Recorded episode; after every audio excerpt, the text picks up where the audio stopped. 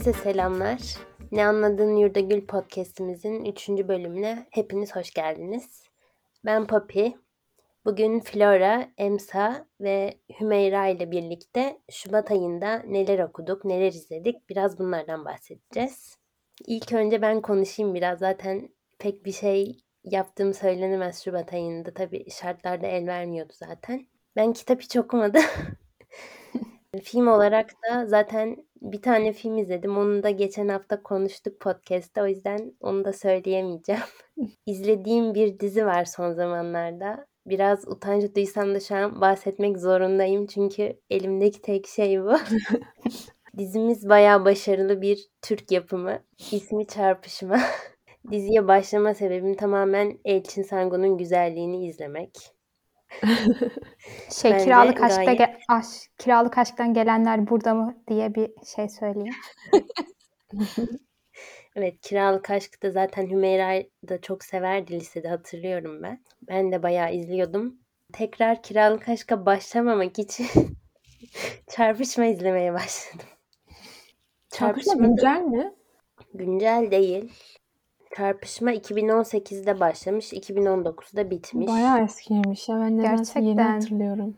Ben de Öyle bana da 2020 yeni falan hatırlıyorum. Ben Yok, bana eski güncel geliyor. olma ihtimali var gibi geliyordu. Hatta diyecektim Elçin Sengur Çöp Adam'da da oynuyor yani. Nasıl ikisi aynı anda falan. Evet ya Çöp Adam da iğrenç bir diziye benziyor. Öyle öyle. Ben ilk bölüm, ben her dizinin neredeyse ilk bölümüne şans veririm. O dizinin ilk bölümü gitmedi yani. Çok kötüydü.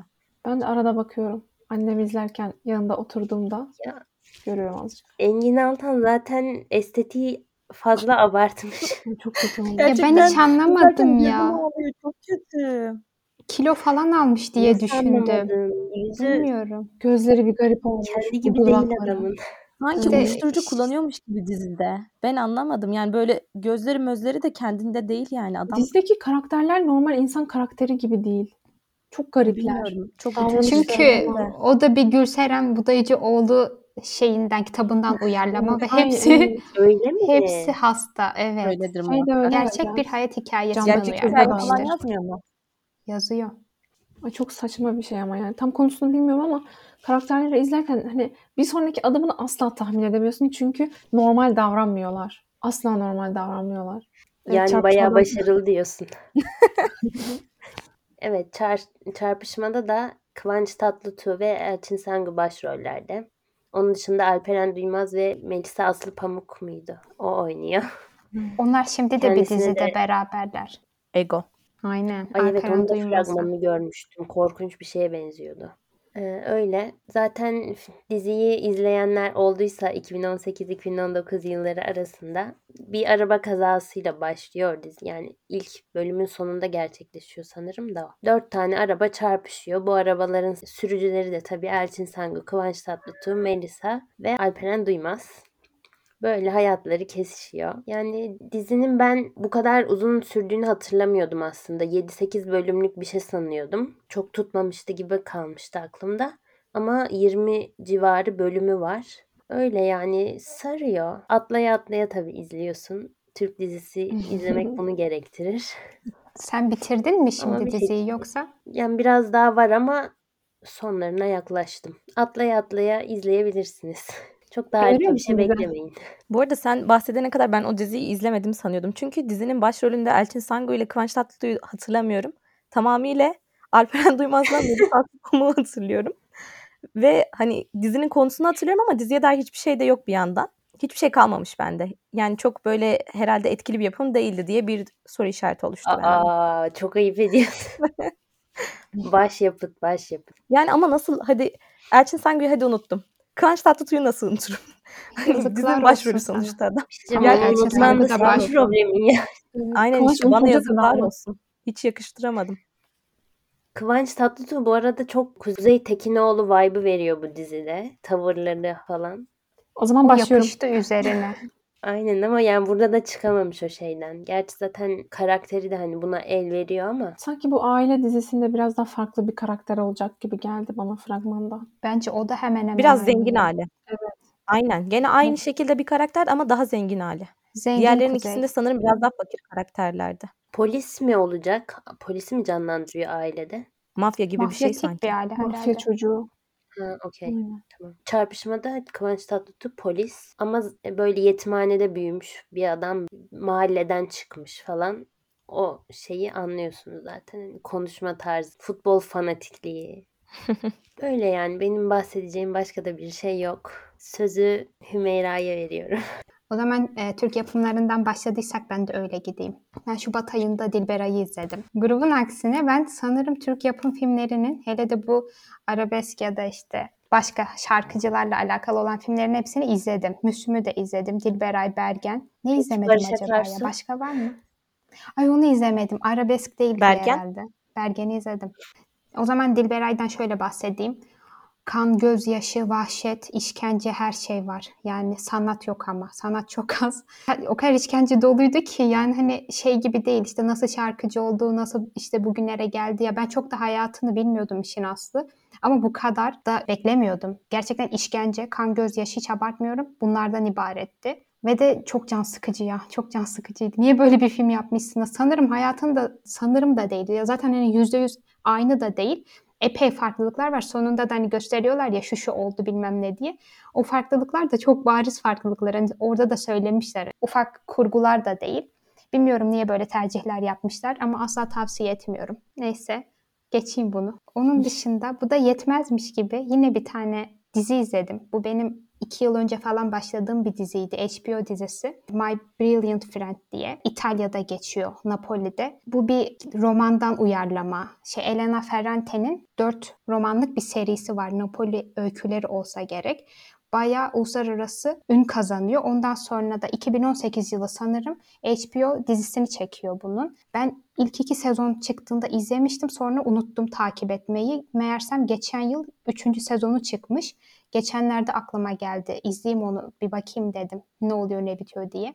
Bu da aynı şekilde kan, gözyaşı, zulüm, kadınların yaşadığı mağduriyetler, türlü istismarlar, hayata tutunma ve de tutunamama arasında o gelgitler ama yani gerçekten çok can sıkıcı ve de karanlık bir dizi. Yine de bilmiyorum yani seviyorum galiba ki hala izliyorum bu diziyi. Aynen. Bir de şey- o dizinin böyle bir şey olduğunu hiç bilmiyordum bu arada. Ya Sen ilk- bahsetmiştin. iki yıl önce de çok tutkuyla izliyordun. Evet Yani iki yıl önce 2-3 zaten yıl çok önce. çok tutkuyla izledim sonra unuttum. Çünkü şey pandemi falan araya girdi. Ee, çok uzun zamanda çektiler ve de zaten çok büyük bütçeli bir dizi. Yani prodüksiyonu falan hani çok ağır. O yüzden sanırım hani ertelendi epeyce. Ya şöyle hiçbir karakteri anlayamıyorum. Hiçbir karakteri sevmiyorum. Hiçbirini onaylamıyorum da. Çünkü çok garip tipler. Yani üçüncü sezondayım. Bu sezon küçük bir çocuk girdi diziye. Onu seviyorum. Önceki sezonlardan birini seviyorum. O da yani gerçekten ha şöyle ha böyle diye seviyorum.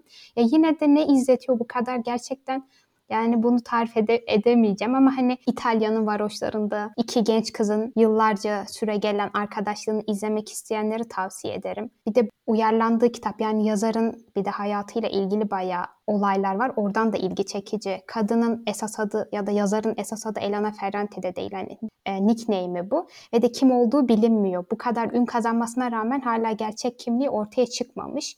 Hatta öyle ki araştırmalar yapıyorlar. Yayın evinin banka hesaplarındaki para geçişlerinden kim işte son zamanlarda çok para aldıysa bu acaba işte Elena Ferrante'nin gerçek kimliği olabilir mi diye epey araştırmalar da var.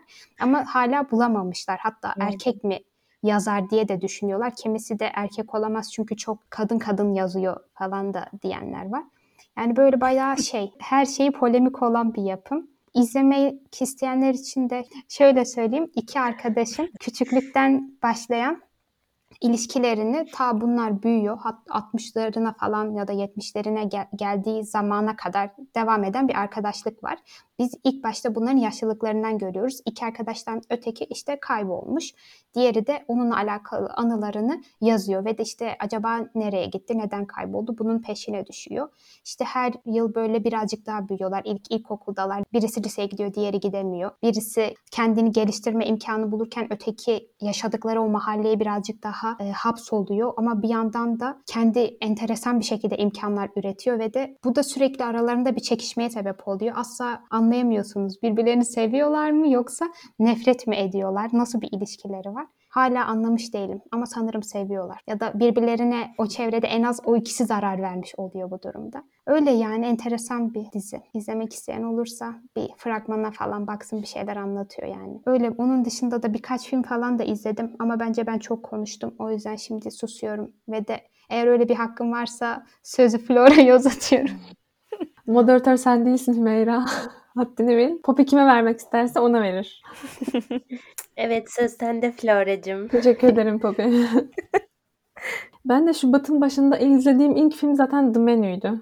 Yani onu da ilk bölümde yaptık. Zaten biz sanırım 5 Şubat gibi izledik. Hedefimiz yine 6-7 Şubat gibi editleyip yayınlamakta ama maalesef hepimizi derinden etkileyen deprem vakası yaşandı. O yüzden biz 2 hafta gibi bir süreçte hiçbir şey yapmadık. Yani ben ne kitap okuyabildim ne film izleyebildim. Hakeza siz de öyle. Bu süreçte hiçbir şey yapmadık. Sonrasında kitap okumaya biraz başladım. Zaten Jane Eyre'e başlamıştım. Ocak ayında, ocağın sonunda başlamıştım. Onu yeni bitirdim sayılır. Bir hafta önce bitirdim. Ya Jane Eyre ile alakalı ne söyleyebilirim bilmiyorum. Yani 100 yıl geçmiş aradan. 200 yıl geçmiş belki. Yani ben kalktım burada Jane Eyre övmecilik gerçekten yapamam. Haddime değil bence. Ama tabii ki beğendim, çok sevdim. Yani böyle aşk ve gurur seven bu üç arkadaşım karşımdayken bence Jane Eyre'i de okumaları gerekir derim. Gerekir demeyeyim ama tavsiye ederim. Bu sırada Aşk ve Gurur'un sadece filmini ve dizisini izlemiş olan biz. Hayır ben kitabı da okudum. Okudu. Ha, tamam. Yok ben okumadım. Ben o zaman. Bir de ben. Bu arada ben de okumadım ama okumak istiyorum. Aşk ve Gurur daha kısa zaten. Jane Eyre bir tık daha kalın sanırım. Bilmiyorum. Gerçi e, modern klasiklerde belki biraz daha inceltilmiş de olabilir. Benim okuduğum biraz eski bir basımda. Ama bence güzeldi. Onunla alakalı da işte konum onu anlatmak uygun olmaz. Zaten 300 sayfaya yakın onun çocukluk, gençlik, o dönemki şeylerini falan görüyorsun. 300 sayfadan sonra bir bakıyorsun ki son 350 sayfada da aşk var artık.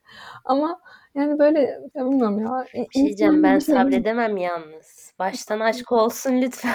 Ya ben hiç olacağını bile bilmiyordum zaten. Hani ne olacağını bilmiyordum. Benim kafamda bambaşka birisi vardı. Sonra bir anda sürpriz bir şekilde çıktı bu kişi. Başroldeki adam. Ve bilmiyorum ya böyle çok büyülü bir aşk tamam mı? Bu kadar büyülü aşk hem beni gerçekten böyle gözlerim falan doluyor okurken. Hem de diyorum ki of hadi ya yürü falan. Gıcık da oluyorum. Çünkü hiç böyle bir şey olmayacak. Ama kendim için hiçbir zaman olmayacağını bilmek de insanı üzüyor yani. Ha.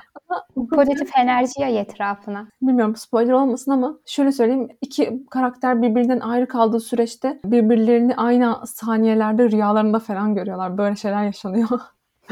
yani o yüzden çok da gerçekçi değil. Biraz kusasım geldi pardon. Ee, Poppy başına gelse kudururdum mutluluktan. o yüzden hiç böyle demem. Daha sonra Şubat'ın son haftasında da The Cafe Funiculi Funicilo adlı. ya bu galiba onun e, İngilizce ismi falan da değil yani. Aslında bu bir kitap. Kahve soğumadan önce. Before Coffee Gets Cold mu arkadaşlar? İngilizcesi güzel arkadaşlar. Yani böyle bir kitap var. Ben book blogları çok takip ettiğim için Booktuber, book blog, Insta Booktuber öyle şeyler var.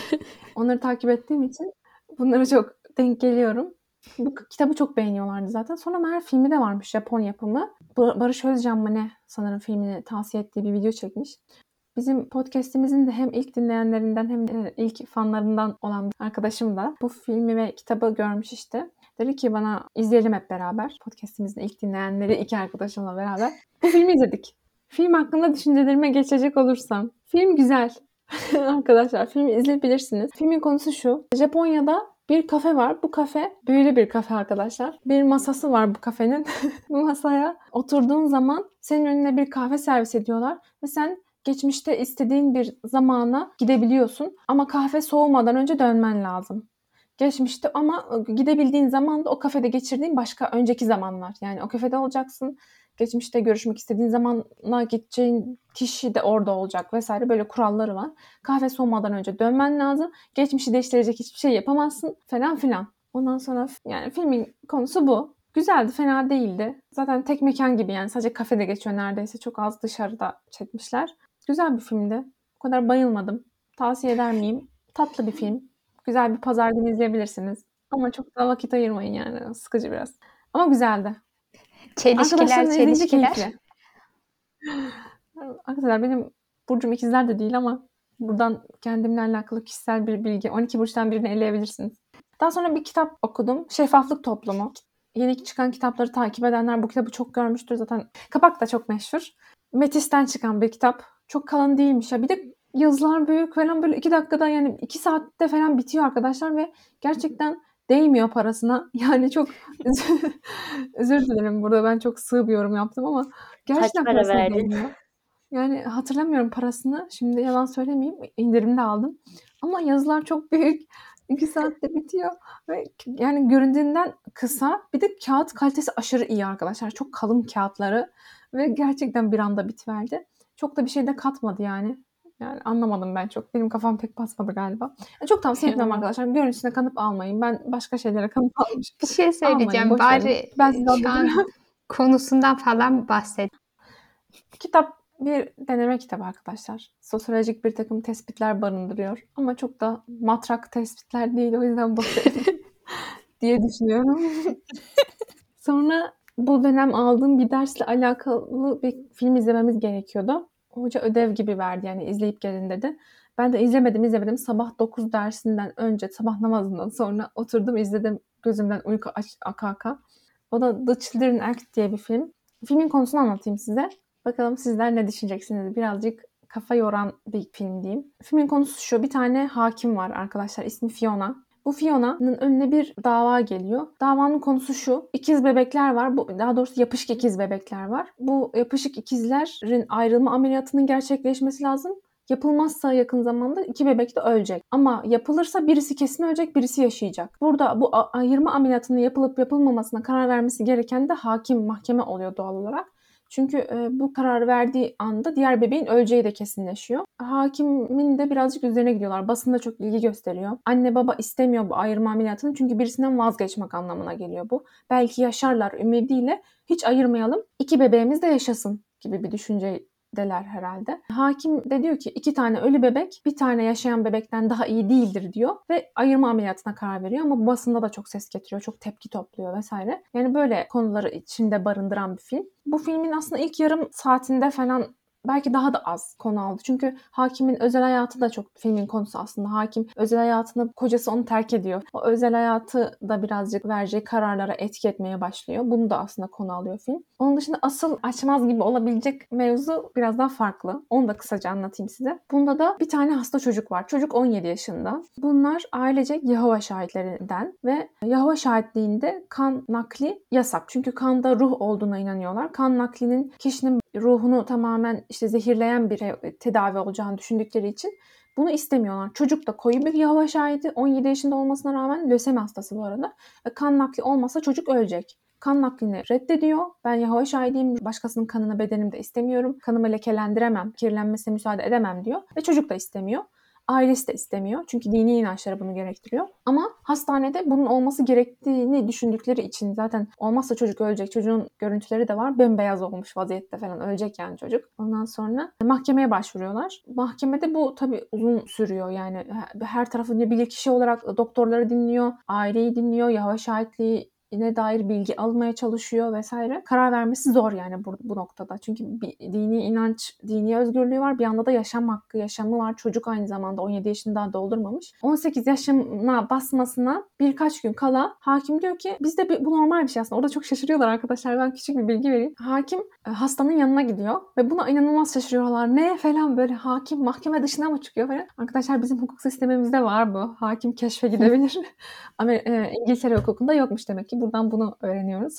ve hakim hastanın yanına gidiyor. Çocukla konuşuyor vesaire. Ve çocuk 18 yaşına bastığı zaman mahkeme kararı değil. Herhalde çocuğun kararı geçerli olacağı için çocuk 18 yaşına basmadan mahkeme çocuğa kan nakli yapılması yönünde karar veriyor. Ki çocuğu çocuk yaşasın diye. Çünkü çocuk kesin bir şekilde istemiyor. Ondan sonra çocuğa kan nakli yapılmasına karar veriyor mahkeme. Çocuğa kan nakli yapıyorlar ve çocuk yaşıyor. Daha sonrasında tabii burada bitmiyor film devamında da o çocukla hakimin ilişkisi gibi bir durum oluyor. Çocuk biraz saplantılı bir tip oluyor falan. Ve bunu anlatıyor. Ya bilmiyorum çok enteresandı konusu. Çok yani ilginçti bence. Bilmiyorum siz nasıl buldunuz ama izleyebilirsiniz. Söylemiş miydim başında? Aynen. The Children Act diye, çocuk yasası diye çevrilmişler. Ee, izleyebilirsiniz. Beğendin yani değil mi Güzel bir filmdi. Beğendim. Kaç puan verirsin? Kaç puan? Ben buna 7 puan verdim. Güzel bir filmdi. Filmle alakalı hoşuma giden bir şey bilmiyorum. Bu filmin yorumlamasını yapmayacağımız için bu içimde kalmasın söyleyeyim. Filmde arkadaşlar çocukla hakim daha sonra görüştükleri zaman çocuk iyileşiyor, üniversiteye falan gidiyor. O zaman hakimin peşine takılıyor, izliyor bilmem ne. Onunla iletişim kurmak istiyor. Beni evinize alın, sizin evinizde yaşamak istiyorum falan. Böyle bir saplantılı bir tipe dönüşüyor. Orada çocuk hakim konuşurken diyor ki ben çok hani katıydım, istemiyordum. Yani siz benim yaşamama karar verdiniz, beni yaşattınız falan diyor. Çocuk zaten biraz dindarlıktan da uzaklaşıyor bu noktada. Ve şu şunu söylüyordu. O çok bilmiyorum hoşuma bunu hiç düşünmemiştim galiba. Ailesi açısından hiç bakmamıştım bu meseleye. Direkt çocuğun yaşamı veya dini özgürlüğü, inanç özgürlüğü bakımından yaklaşmıştım. Çocuk diyor ki siz bu kararı verdiğinizde annemle babam birbirine sarılıp ağladılar diyor. Ben ilk başta çok üzüldüler hani çünkü dindar birisinin yapmaması gereken bir şeye karar verdiğiniz için ben üzüldüler. Dindar oldukları için üzüldüler diye düşünüyordum. Oysa kendileri bu kararı veremeyeceği için mahkemenin bu kararı vermesine sevindiler. Sevinçten ağlıyorlardı aslında diyor. Bilmiyorum çok hoşuma gitmişti bu ayrıntı. Ondan sonra böyle biz bu derste bu konuyu biraz e, tartıştık. Ben tartışmadım. Ben sadece telefona baktım. Onlar tartıştılar. Ve ajandamı doldurdum o sırada. Onun dışında Flora Çok- gibi olmayın arkadaşlar. arkadaşlar ben ders kolik birisi değilim. Yani derse çok uzun süre odaklanamıyorum. Kusura bakmayın bunun için. Online olunca da benim işime geldi. Kameramı kapattım. Fıldır fıldır başka şeyler yaptım. İyi oldu yani. Bahsedeceğim sadece iki kitap kaldı arkadaşlar. Vaziyet alın geliyor. Bir de Jane Eyre'den önce okumuştum bunu. At üstünde diye bir tane yine ben bunu galiba bahsettim diğer bölümde. Yine lacivert klasiklerinden ince bir öykü kitabı. Maupassant'ın fena değildi. Okunma, okunmaz. Geçin. Ee, bir de Ya son Allah. olarak yarım bırak, ya yarım bırakmadım. Yarım kaldı. Yani Mart'ta devam edeceğim. Mart'ta bitimi yetişecek. O da Önder Kaya'nın Avrupa tarihi üzerine yazılar kitabı kronik kitaptan çıkmış. Basın tarihini bilmiyorum. Ya. Bilgilerim bu şekilde.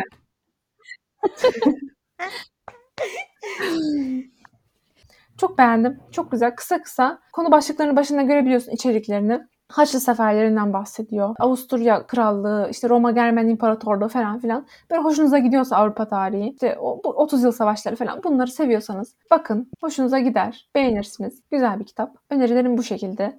İzlediklerim ve okuduklarım da bu şekilde. Ben sözü Poppy'ye bırakıyorum ve podcast sahnesinden çekiliyorum. Teşekkür ederiz Flora bu güzel önerilerin için. Rica ederim. 20 dakika konuştuğum için özür dilerim. Maşallah bereketli bir ay olmuş senin için. Evet. O zaman sözü Emsa'ya veriyorum.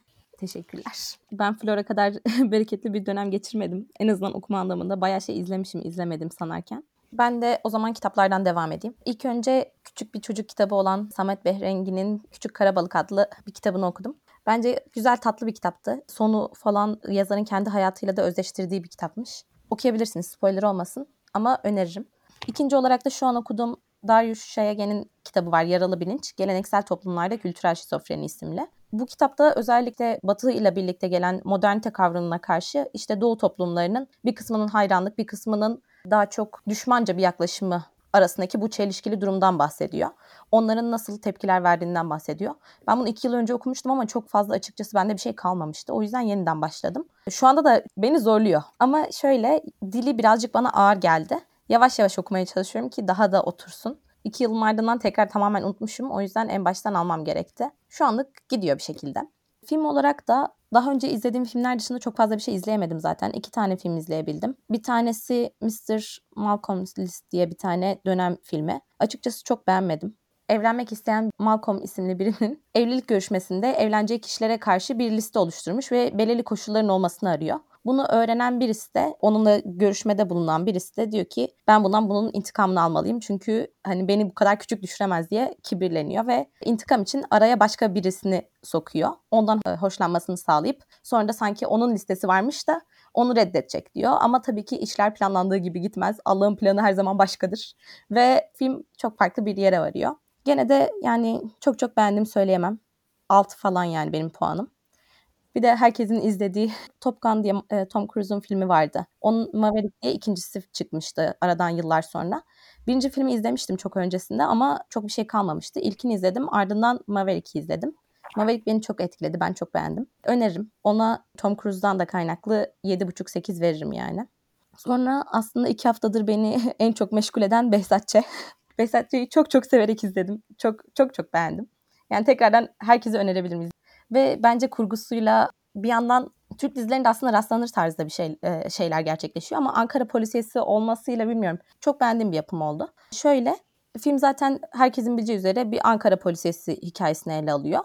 Ama bununla birlikte benim hoşuma giden yönü şu. Hani örtüler olsun, e, farklı toplumsal koşullar olsun çok daha öncesinde başrol şeklinde olmasa bile iyi konumlar vererek alıyor dizi. Bu yönüyle beğendim yani ve farklı konulara da değinmesiyle, bunlara e, yer vermesiyle hoşuma gitti. İzleyebilirsiniz. Sonra bir de Kore dizilerine kısaca değineceğim.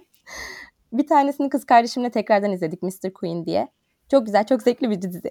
Muhakkak Evet. Kore'sini izleyenler izlesinler. Ama bir şey söyleyeceğim. Bence Yani şunu söylemek gerekiyor. kaldı. Onun ilk bölümleri Hı hı. çok güzel ama sona doğru kötüleşiyor ya. Bunu bunu kabul edelim. Ya belki kötüleşiyor olabilir ama beni nedense gene de sıkmadı çok. Yani çok daha sıkan diziler oldu. 20 bölüm olması belki 16 bölümde bitirselerdi çok daha iyi bir final yapabilirdi. 20 bölüm olduğu için birazcık aynı şeylerin tekrarı gerçekleşiyor biraz. Ama Evet. gene de bence Kore dizilerinde komedi türünde gerçekten nadide bir yapım. Baş yapıt, öneririm. yapıt. Şöyle, aynen. Kız kardeşimle birlikte izliyoruz ve son iki bölüm kaldı. Dizide şu şekilde bir tane adam aşçı bir adam günümüz dünyasında sarayda aşçılık yaparken o bir suçlamayla karşılaşıyor ve otelden aşağıya havuza düştüğünde havuzdayken tekrardan yeni bir şekilde uyanıyor ve uyandığında bir bakıyor ki kendisi dönemin kraliçesi olmuş.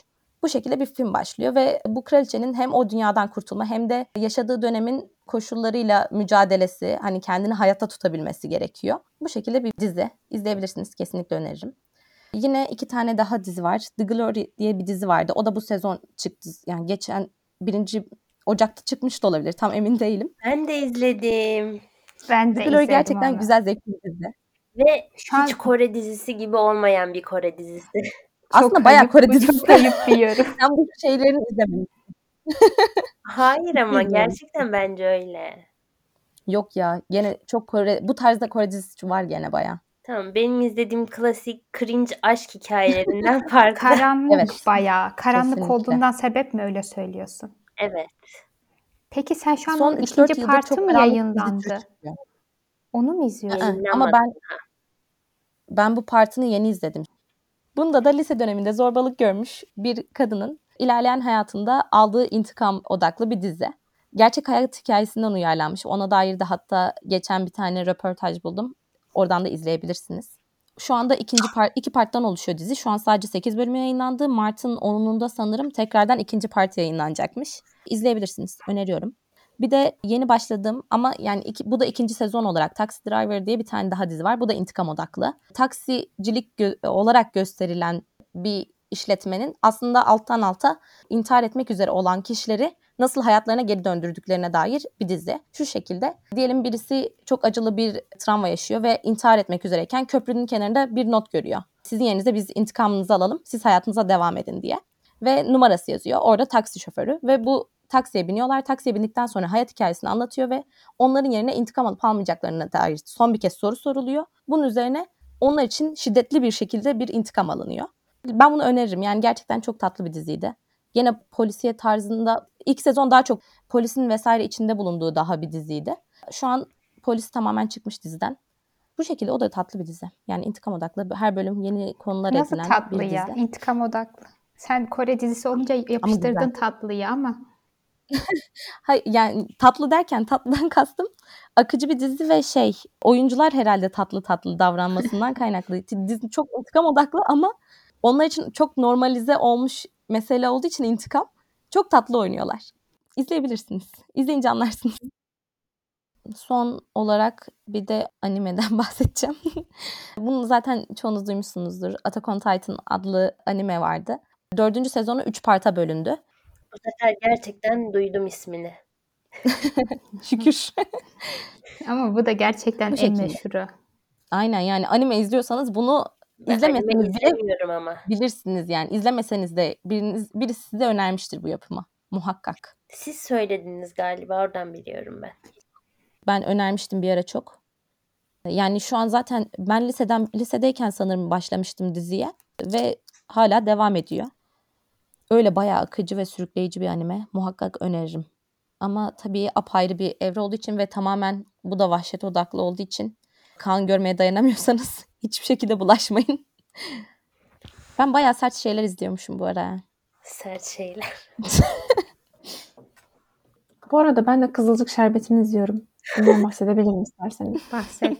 Gönder gelsin. Gülmenizi gerektirecek bir şey yok. Bu arada bir şey söyleyeceğim. Kızılcık Şerbeti ile alakalı bir şey sorabilir miyim? Yetkililiğe sesleniyorum buradan. Ya o Tamam, sor. o kız neden Ben mi? yani evleniyor şu anda? Onu al yani ben fragmanlarını falan görüyorum da kız başka birini seviyor ama şu an e, biriyle evleniyor ve de ağlıyor anne izin verme falan bir şeyler sö- diyor. E hayır de evlenmek istemiyorum de. Şöyle dizide karakterler sürreal. Aslında insanlar bunu anlamıyorlar ama bu fantastik bir dizi. İnsanlar anlamadıkları için eleştiriyorlar. Yani çünkü karakterler olması gerekenden fazla garip davranıyor. Yani baba bu zamana kadar hep işte en makul insan gibi davranıyordu. Bir anda anlaşılmaz bir şekilde kızını verdi. Hani bir anda evlendirdi.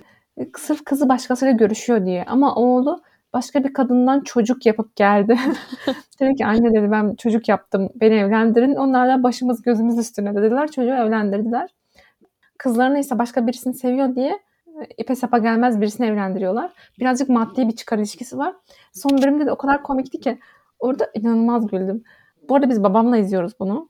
Herkes kız kardeşiyle falan izliyor. Ben babamla izliyorum. Annem falan da yok arkadaşlar. Babam ve ben. Bir de abim. Abim de var. Babam abim ben Kızılcık Şerbeti izliyoruz. İyi bir cuma aktivite, aktivitesi. Şöyle bir şey yaşanıyor. Şimdi bu kızı veriyorlar. Tamam mı? Bu verdiği de şu kızın aslında beşik kertmesi gibi bir şey. Bunlar doğduğu zaman babaları demiş ki biz zaten çocuklarımızı evlendirelim demiş. Bunlar da ba- babası da bazen benim kızım başkasıyla görüşüyor. En iyisi ben onu zengin birisinin oğluna vereyim gibi bir mantıkla Çok mantıklı. ee, onu evlendirmek istiyor. Çağırıyor böyle. Bir anda kız şok oluyor. Bir bakıyorlar istemeye gelmişler. Kız zaten şöyle embesil gibi hareketleri var. Kızı veriyor. Ondan sonra bu verdiği çocuk da şöyle birisi. Babasına gidiyor diyor ki baba diyor galiba kızın bende gönlü yok. Babası da diyor ki işte onlar çok zengin adın sen onların tek damadı olacaksın falan böyle şeyler söylüyor. Ama onlar da zengin. Adamlar da zengin zaten. Ondan sonra komik olan kısma geliyorum. Sonra çocuk işte abisinin yanına geliyor. Tamam mı? Abisi o sırada telefonla konuşuyor. Abisi telefonla konuşuyor. Aşkım bebeğim bir şeyler soruyor böyle. Yengeyle mi konuşuyorsun falan diyor. Sanırım bu yengem değil diyor tamam mı? Gülüyor böyle. O da diyor ki o da senin yenge ne oldu falan diyor.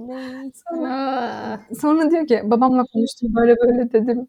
İşte kız ben evlenmek istemiyor galiba. Ben hani evlendiriyorlar durduk yere ben de falan gibi bir şey söylüyor. Abisi diyor ki ne güzel oğlum evlenirsin. O çocuklara bakar evde. Sen de hayatına devam edersin. Dışarıda kızlar var falan. Şey diyeceğim. Bu muhafazakar aile mi? Evet, evet. Bu şey Twitter'da şimdi çok şey görüyorsunuzdur. Kolonya istemiyoruz çünkü alkolle kolonya kullanmayız falan diyen aile bunun annesi, ablası falan.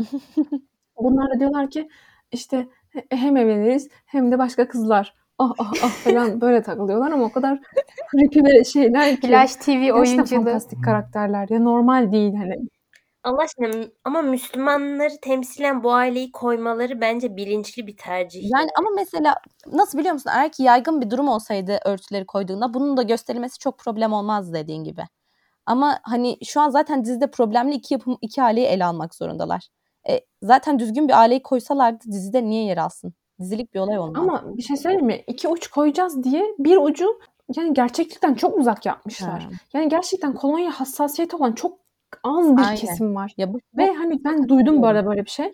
Ama mantıktan çok uzak ve hani bu hassasiyet birazcık bilimle de ilişkili olduğu için bildiğin bilim dışı yapıyor seni. Hı hı. İnançtan tamamen uzak bir şey yapıyor aslında. şey Hint dizileri var ya Hint dizilerindeki dindarlık şeyiyle ben eşdeğer gördüm. Ya paralellikler gördüm bu dizide. Günlük diziler izleyen varsa Olabilir. aramı, biz de birazcık bakıyorduk. Yani ben bayağı bakıyordum da siz de biraz vakıfsınız. Orada arada da oradaki formaliteler gibi. Be Behzat Ç'yi önerme sebebim buydu. Orada mesela bir tane örtülü kadın koymuşlar ama kadın çok makul yaklaşıyor. İşte üniversiteye mesela alınmayan kadınlardan bahsediyorlar. O zaman daha yeni yeni çözüm aşamasına geldiği için hani sınıftan kovulmasından kaynaklı işte üniversiteyi bırakan karakter elde etmişler ve hani bunu başrollerden birine eş olması için mesela koyuyorlar. Yani daha mesela gerçekçi bir dizi gelmişti bana her şeyiyle. Bu arada arkadaşlar şimdi burada bahsetmedik ama ben Şubat ayında Kısmetse Olur da izledim. burada Kısmetse Olur special episode isteyen arkadaşlar varsa onları konuk alıp bir Kısmetse Olur programı da yapabiliriz. Bu arada ben izliyordum. Yeni bıraktım ya. Yani ben de bütün hepsini baştan sona şeklinde değil ama karakterlere hakimim. Hakimim demeyeyim, biliyorum diyeyim ki rezil olmayayım. Karakterleri biliyorum, farkındayım. Öyle karakterler var. Onlar hakkında konuşabileceğimi düşünüyorum. Eğer isteyen olursa Evet, bir bölümün daha sonuna geldik. Bizi dinlediğiniz için teşekkür ederiz. Bir sonraki bölümümüzde görüşmek üzere. Kendinize iyi bakın.